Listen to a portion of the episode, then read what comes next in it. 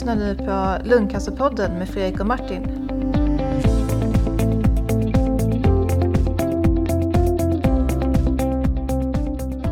Hej och välkomna till Lungcancerpodden. Ny vecka och ny lungcancerpodd. ja, jag, jag har ju åkt på någon liten förkylning här. Men eh, som tur är har jag eh, läkare, lungläkare Martin med mig. Tjena Martin! Tjena! Hur är läget? Jo, men tack. Eh, hyfsat får jag säga. Eller det är riktigt bra. Ja, härligt, härligt. Ja. Nej, för mig, med mig är det också bra. Det är bara, mm, det är som sagt den här lilla förkylningen. Först fick eh, vår lille son det och sen så fick min fru det. Och nu har jag lyckats få det här också. Du slarvade med handspriten. Ja, precis, precis. Ja, det verkar vara omöjligt med barn faktiskt. Det är helt plötsligt har man en hand i munnen utan att man vet vad som händer liksom och då är det kört. Nej, och han går inte på dagis än. Så det är då det börjar på riktigt. Okej, okej. Ja, jag får köpa någon form av, eh, vad heter det, uniform, nej sån här, eh, Precis, jag, jag, jag gjorde faktiskt lumpen som någonting som heter sanerare. Och där spände vi upp någon form av galontält. Och så militärens någon form av duschanläggningar. Och sen så pudrade vi alla, såna här, vi övade på pensionärer. aha okej. Eh, som fick leka att de hade blivit utsatta för olika former av krigsgaser och sådär. Då fick man pudra dem med något form av puder och sen fick man duscha dem i en stor dusch med stora så här, grytor som kokade utanför och så här. Men gud vad Eh, bra, finns det där att köpa någonstans eller? Jag vet inte, jo men det, det säljer väl militären av nu för tiden. Allt Ja, sånt ja, där. just det, just det. Ja, man kanske skulle rigga ett litet tält hemma. Ja, det tror jag kan vara bra. Ja. Ja, gud vad bra. Ja, och ny logga har vi fått på, på jul, julfint har vi fått helt enkelt. Ja, ett litet eh, julklappspaket. Ja, just det. På något sätt. Och lungcancerdagen stod vi och, och, och, och pratade oss varma på här för, ja, det är nästan tre, fyra veckor sedan nu. Ja, jösses, det börjar bli så länge sedan vi har inte spelat in någonting sedan dess. Nej. Vi, vi vart liksom utbrända på kuppen. Ja, precis. Det där tog på en så. Nej, men, nej, men det är som vanligt november. Alltså det är verkligen. Jag vet inte, det verkar som varje november man bara man jobbar järnet och så hinner man inte med någonting annat. Det är som, man blir snöblind helt enkelt. Ja, typ. Alltså det har varit så sjukt mycket. Det är liksom bara i ett, helt galet. Nej, men så det är väl sånt som har kanske tärt en smula på inspelningsfrekvensen också. ja, men vi sa ju det på, i Stockholm att vi skulle eh, kanske eh, dra ner lite på utgivningsfrekvensen framöver. Så att folk hinner liksom lyssna i kapp. Ja, ja, just det. Det är viktigt att folk hinner med. Ja. och eh, ja, sen den här, sen vi såg på lungcancerdagen där, eh, så hade jag faktiskt den 27 november nu i år så hade jag treårsjubileum. Ehm, och då var det tre år sedan som jag blev diagnostiserad med, med eh, lungcancer helt enkelt. Så det var ju rätt kul faktiskt. ja, det är ju en, en delseger får man ju säga. Ja, ja, just det. Eh, fantastiskt häftigt. Och jag menar, som sagt, du, du kör ju på. Ja, ja, just det. Man får ha det som benknotor runt, runt som ett halsband av, eh, ja, vad är det de här huvudjägarna som har, eh, har benknotor runt, runt, eh, runt Ja, halsen. liksom per år sådär. Ja, liksom, hänger på en till. Samla skalpar, ja. Ja. Nej, men jag menar, eh, allvarligt så, så är det ju... Jag, jag tänkte, eh, om man utgår från det här som vi snackade om i de första programmen, hur eh, oerhört dramatiskt det är i samband med diagnos och, och vilka tankar som kommer upp och vilka, vilka bilder som förespeglas en också naturligtvis och som du har varit inne på, som flera av, av de patienter vi har varit, pratat med har, har varit inne på, just det här äh, otroligt dystra prognosen som, som, som förespeglas en på nätet och av, av oss doktorer och, och omgivningen och sådär. Eh, så, så är det ju fenomenalt att tre år efter det sitta och bara liksom, jag menar, ja, du är ju, som sagt, jag brukar ju säga det, att du är fan piggare än vad jag är. ja, precis. Inte just idag kanske. Nej, eller ja, det är frågan, säga. Men det är ju för att jag är yngre än dig också. Ja, det är det ju. Eh, vilket ju jag då kan ta upp att jag har ju faktiskt också haft en liten, en liten bemärkelsedag här. Eh, vilket kanske har satt sina spår också, inte så mycket själva kalasandet utan mera mentalt. Att, att jag passerat ett, en jämn, en sån här jämn ålder som ändå ja, lite grann väcker frågor. Okej, och vi behöver inte säga vad det är för jämn ålder, men vi kan säga så här att jag är 38 och du är bara några år äldre än mig. Och sen kan folk gissa. Precis, och det är ett jämnt tiotal sådär. Ja, Ja. Det hävdas att det är det nya 30. Okej, okej. Ja, men så är det. Man är aldrig äldre än man känner sig faktiskt. Det som min mamma säger, hon säger att hon blir aldrig äldre än 25. Och det på något sätt stämmer det där. Att man, I alla fall för mig, jag är aldrig, det är kanske för att jag är ovanligt trög då, men jag utvecklas liksom inte i skallen tycker jag. Jag tycker jag tycker ungefär samma grej som nu som när jag var 25. Ja, man tror det i alla fall. Sen så var det någon som, jag satt och snackade med en kollega här som tyckte liksom att du, alltså du fyller ju fasen Svenska Dagbladet, det märks ju lång väg. Jag tyckte att jag hade gått och blivit reaktionär på äldre dagar. Jag sa, ja, men jag tycker det skulle faktiskt vara skönt att kunna liksom slå upp tidningen och läsa ett reportage om någon ny svensk stridsvagn eller någonting som de brukar ha ibland. Eh, men ja, jag vet inte. Men, men jag håller med dig just det. Att, det tycker jag också är sånt där som man möts av så ofta. Att, liksom, att man har ju en självbild ungefär som att man, där man var mellan, ja, runt 25-30 sådär. Mm. Liksom någon form av, sen, sen händer det inte så jäkla mycket mer än att man lägger på sig, lägger på sig lite nya lager av, ja, lager av eh, polering på något sätt av olika slag. Eh, men jag tror tankemässigt så är man nog kvar där rätt mycket. Ja, bra. Nej, men vi skulle påminna också om att eh, de som har möjlighet att gå och eh, vaccinera sig mot influensan. Det tänkte i alla fall jag göra tills jag blev sjuk eh, här då i något annat. Det kanske är någon subinfluensa eller någonting. Eh, men eh, kan man ta det där Martin när man eh, går på cytostatika? Ja, det kan man göra och det rekommenderas ju att man, man ska ta det också. Helst innan man börjar cytostatika. Men är det så att man liksom är inne i kuren så, så eh, bör man också vaccinera sig. Eh, och då är det ju bra om man inte tar det precis i samband med cytostatikan eller dagarna efter. För då, då är ju immunförsvaret så eh, nere liksom för räkning. Så då, då kanske man inte har så bra effekt av vaccinationen. De här eh, man får inte den här immuniserande effekten riktigt. Utan det är bra om man kan vänta eh, kanske en eller två veckor efter eh, cytostatika-dosen. Så att, säga, så att man inte slår ner immunförsvaret direkt igen också. Men det, det, det, är ju viktigt att man, framförallt tror jag för att om man åker på en riktig influensa då kan man ju vara sänkt i ja, en månad. Då, då är ju risken stor att man inte orkar med att få de planerade kurerna då. Så man får liksom en förskjutning i sin behandling. Det vet man att det, det ska man helst undvika. Och sen så är det ju så bedrövligt att, att ha influensa. Ja, ja, verkligen. Nej, det är verkligen sånt där. Och jag glömmer det där. Så man, man, det är skitbra att, att, eh, att man blir påmind och går och tar den där. Det tycker jag är super. Det låter, tycker jag nu, som att det du lider av nu är inte influensa utan snarare en sån här manlig snuva som gör att man tycker väldigt synd om sig själv. Men eh, man, man inser när man väl får influensan att, att det där förra, det var nog inte riktigt influensan ändå. Ja, okej. Okay. Ja, det kan man Du, och så, och så handsprit kan man ju använda en hel del också. Jag brukar ha en sån här liten flarra i, i eh, i jackan hela tiden. Och så, så fort jag går och tar på någonting så, så spritar jag mig och spritar mig när jag kommer hem och sådär. Hur funkar det där? Funkar det mot allting eller? Alltså det där, jag är inte någon stor expert på det. Det har vi varit inne på lite grann förut, att där kan du nog egentligen mer än vad jag kan, hålla på att säga. Men, men, eh, man kan väl säga att handsprit är ju jäkligt effektivt mot bakterier generellt. Alltså de flesta bakterier ska man väl säga. Vissa typ som tuberkulosbakterier och så här, de har skyddande skal och kan kapsla in sig och så här. Då måste man ha superstark eh, handsprit och sånt där. Men, men generellt sett mot de här vanliga vardagsbakterierna så, så är handsprit effektiva. Däremot virus behöver inte vara så känsliga för handsprit utan där kan det behövas tvål och vatten för att liksom lösa upp dem och, och denaturera dem på något sätt. Eh, så att eh, man, man, kan liksom inte känna sig alldeles trygg om man har sin lilla flaska som man eh, sprutar på sig med om man just är orolig för influensa eller eh, vinterkräksjuka eller så. Utan då, då är det ytterligare handhygien med tvål och vatten som rekommenderas. Ja, Okej, okay. så både och då är man liksom eh, safe? Ja, då borde man vara hemma. Du får ta med ett litet handfat och en tvålburk också, eller en tvål. en liten tvål kanske man skulle ha med sig här i fickan. Ja, ja. Mm, inte en dum idé. Nej, men det kanske, jag vet inte om, om sådana här handservetter kanske kan vara någonting. Alltså sådana här intvålade sådana här babyservetter. Det, mm. det, det, borde ju ha lite grann tvåleffekt sådär. Det blir som lite lödder av det i alla fall. Ja, just det. Så man får bort det liksom. Ja, kanske. Utan, ingen som helst vetenskapligt underlag för den eh, tanken. Utan det var mer bara en, en eh, gissning. Det borde ju vara bättre än ingenting i alla fall. Ja, så kan man toppa det med lite handsprit så är man hyfsat trygg sen. Just det.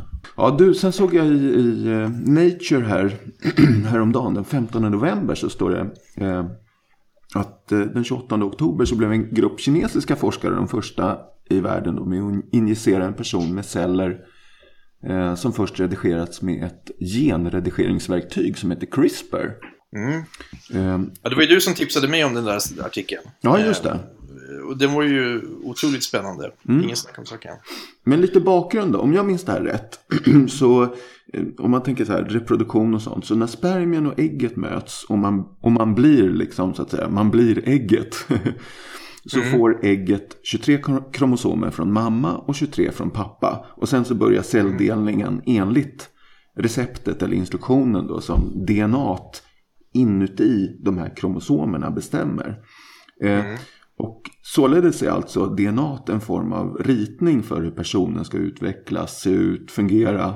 Eh, och man har tittat på DNA och hittat sekvenser på givna stället i DNA som kodar för olika egenskaper. Till exempel blåa ögon, mörkt hår. Och de här sekvenserna det kallar vi för gener. Är det liksom, Det är helt eh, ja, skolboksmässigt, absolut. ja, så där. Eh, och då med den här CRISPR-tekniken så har man alltså nu tagit ut immunceller eh, ur en patients blod. Och så har man gått in i eh, eh, DNA i de här immuncellerna och stängt av en gen som heter PD1. Känner vi igen den? Mm, Den känner, den känner vi igen. Ja. Mm. Och det är alltså den här eh, genen då eh, som gör att cancerceller inte upptäcks. Och sen har man låtit eh, cellen dela sig i labbmiljö och sen injicera tillbaka den här eh, i en patient med icke-småcellig lungcancer. Just det, ja. Och det här är jättehäftigt att, att, eh, att det är just bara det att det är liksom lungcancer då som går i bräschen och blir första eh, människan och, och, eller personen som, som, som får den här eh, eh tekniken. Då. Det här, att slå ut PD1 det har ju visat sig vara väldigt effektivt för lung, just lungcancerpatienter i, när man t- pratar immunterapi. Mm. Och precis, och det är ju det vi gör med de här antikropparna som vi har pratat förut och det som så att säga är det som är det hetaste just nu. Att, att inhibera de här, det som man kallar för checkpoints eh, som, som reglerar immunförsvarets svar på tumörsjukdomen. Eh, och det här är ju då ett annat sätt att, att eh, nedreglera, eh, nedreglera cancerns möjlighet att gömma sig för immunförsvaret. Mm och de här cellerna som man injicerar, de har ju då, eftersom man har tagit bort den här eh, genen för PD1-receptorn så, så, så har de inte den där hämmande receptorn som binder till ytproteinet på cancercellen som den producerar för att vara osynlig så att säga och bromsa, och in, bromsa immunförsvaret från att, att attackera cancern. Så att det är en supersmart idé och, och det, finns faktiskt, det är ju också så här nästan ironiskt, här har vi suttit och pratat om liksom hur mycket som händer och det hetaste och, många olika kombinationer av antikroppar som kommer komma närmsta åren. Och det tror jag fortfarande absolut stämmer, men, men utvecklingen går ju så otroligt snabbt nu. Så att, så att nu kommer liksom det här då som är kanske ytterligare en twist på immunterapin där man då plockar ut plockar ut immunförsvaret egentligen, plockar ut de T-celler som, som man, man vill kunna påverka och sen så i labbmiljö då kan man styra dem på olika sätt och sen så som vi precis beskriver att, att man injicerar patientens egna T-celler som man har låtit expandera så blir flera i, i ett provrör eller någon maskin eller någonting eh, och sen så kan man då stoppa in dem i, i patienten och så har de den här avdödande effekten på, på tumören. Mm. Eh, ja, det, det, är oerhört spännande och det finns flera varianter på det där också som man, som man provar. Eh, jag var på ett föredrag häromdagen bara av en, en forskare från eh, Karolinska som höll på inom hematologin och, och där höll de på med, med, en annan typ av, av immunceller, eh, så kallade NK-celler som, som man också kunde liksom fintrimma så att de blev riktigt vassa mot specifika antigen i, i eh, riktade mot då, tumörer och sådär. Så det, det, där verkar komma på flera, flera fronter och det, det kommer att bli oerhört spännande att se vad, vad man kan göra. Ja, det är ju verkligen jättehäftigt där och det är i den här studien just då i Kina. Eh, då är det tio, tio människor som kommer behandlas initialt. Och det är väldigt mycket säkerhetstänk runt det här förstås. Att, att eh, eh, ja, man vill se att det är säkert helt enkelt. Eh, och jag tror att det här CRISPR från början, det var som man kom på det, det var, eller som man hittade, det var det finns en funktion i bakterier som gör att andra gången en bakterie blir infekterad av samma virus så vet bakterien, eller då har bakterien liksom, ja, kommer den ihåg hur viruset, virusets DNA ser ut. Och då kan den gå in och klippa upp det precis på rätt ställen så att det liksom blir helt obrukligt. Eh, och det är, det, där, det är den funktionen då som man använder för att kunna redigera vilket DNA som helst. Och det här kan man alltså göra, det är inte bara människor utan man kan redigera liksom, träd och buskar och, och, frukter och allt möjligt eh, kan man liksom eh, eh ja, DNA-redigera med hög precision.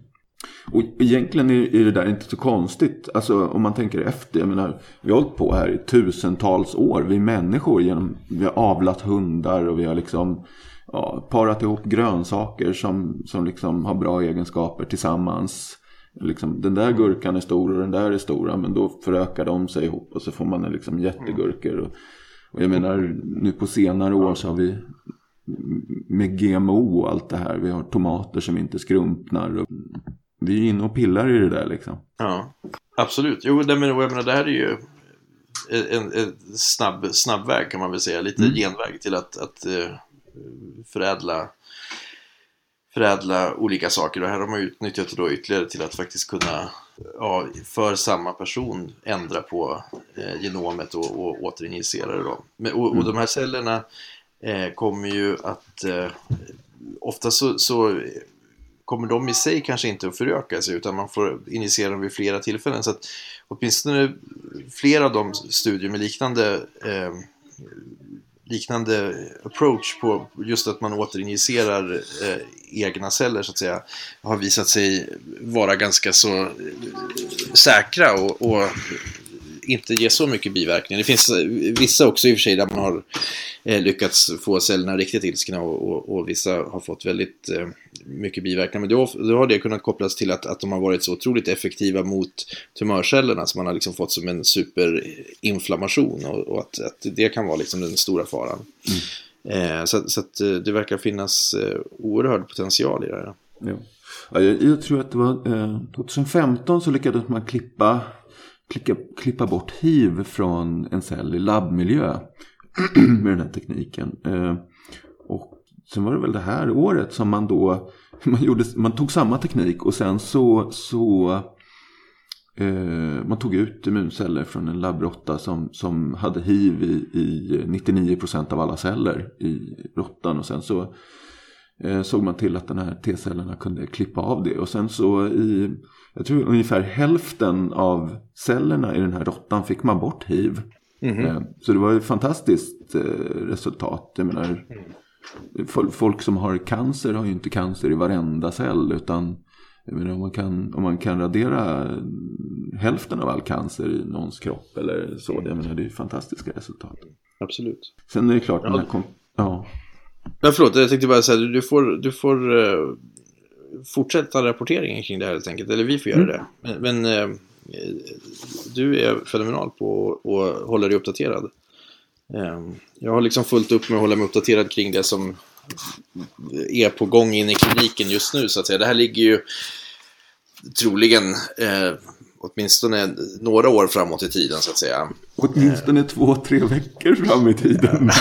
Vad säger du Martin, behöver du inte en CRISPR-maskin på kliniken? Jo, alltså, alltså det här är saker som, alltså, det, laboreras ju med den här typen av metoder över hela världen. Så att det liksom, metoden finns ju och jag vet att i Uppsala så, så håller vi på och modifierar eh, immunceller och sådär också eh, i studier. Och, men jag menar, det, det, är fortfarande så att vi, vi ja, vi är inte riktigt där än, men, men alltså, just nu så går utvecklingen så snabbt så att två, tre veckor tror jag kanske är att ta i, men alltså, jag, jag, vågar inte säga att det rör sig om många år. Alltså, förr i tiden så kunde man alltså förr i tiden, och då menar jag typ för tio år sedan, så, så när man sa att det var ett bra tag fram till någonting, ett stort genombrott kom, då, då tänkte man 10-15 år sådär. Men nu känns det som att det, utvecklingen är så enormt snabb, så, att, så att det, det, kanske inte är mer än något, några år fram, framåt då vi faktiskt ser det här komma in som, som eh, större studier och, och, där det på vissa diagnoser också kommer bli etablerade behandlingar. Mm.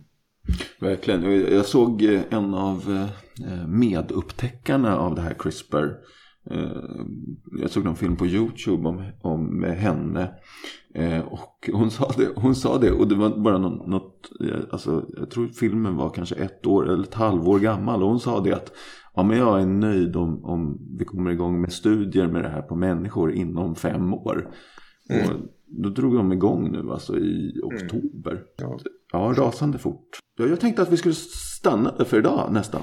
Ja, okej. Okay. Jäkligt spännande det här. Ja, det, det, får vi fortsätta om. Vi, som sagt, vi vet aldrig när vi, nästa liksom, stora genombrott kommer. Så det, här har jag suttit och snackat om att det nog tar åtminstone några år. Men eh, vi får se, det kanske blir någon gång tidigare än vad vi tror. När vi får ja. återkomma med, med nya braskande resultat i de här studierna. Jajamensan. Hör du, kul att snacka. Vi, vi hörs nästa gång. Det gör vi absolut. Ja. Hej. Tack för att du lyssnade på Lungcancerpodden med Fredrik och Martin. De senaste avsnitten hittar du alltid på lungcancerpodden.se eller i din podcastapp.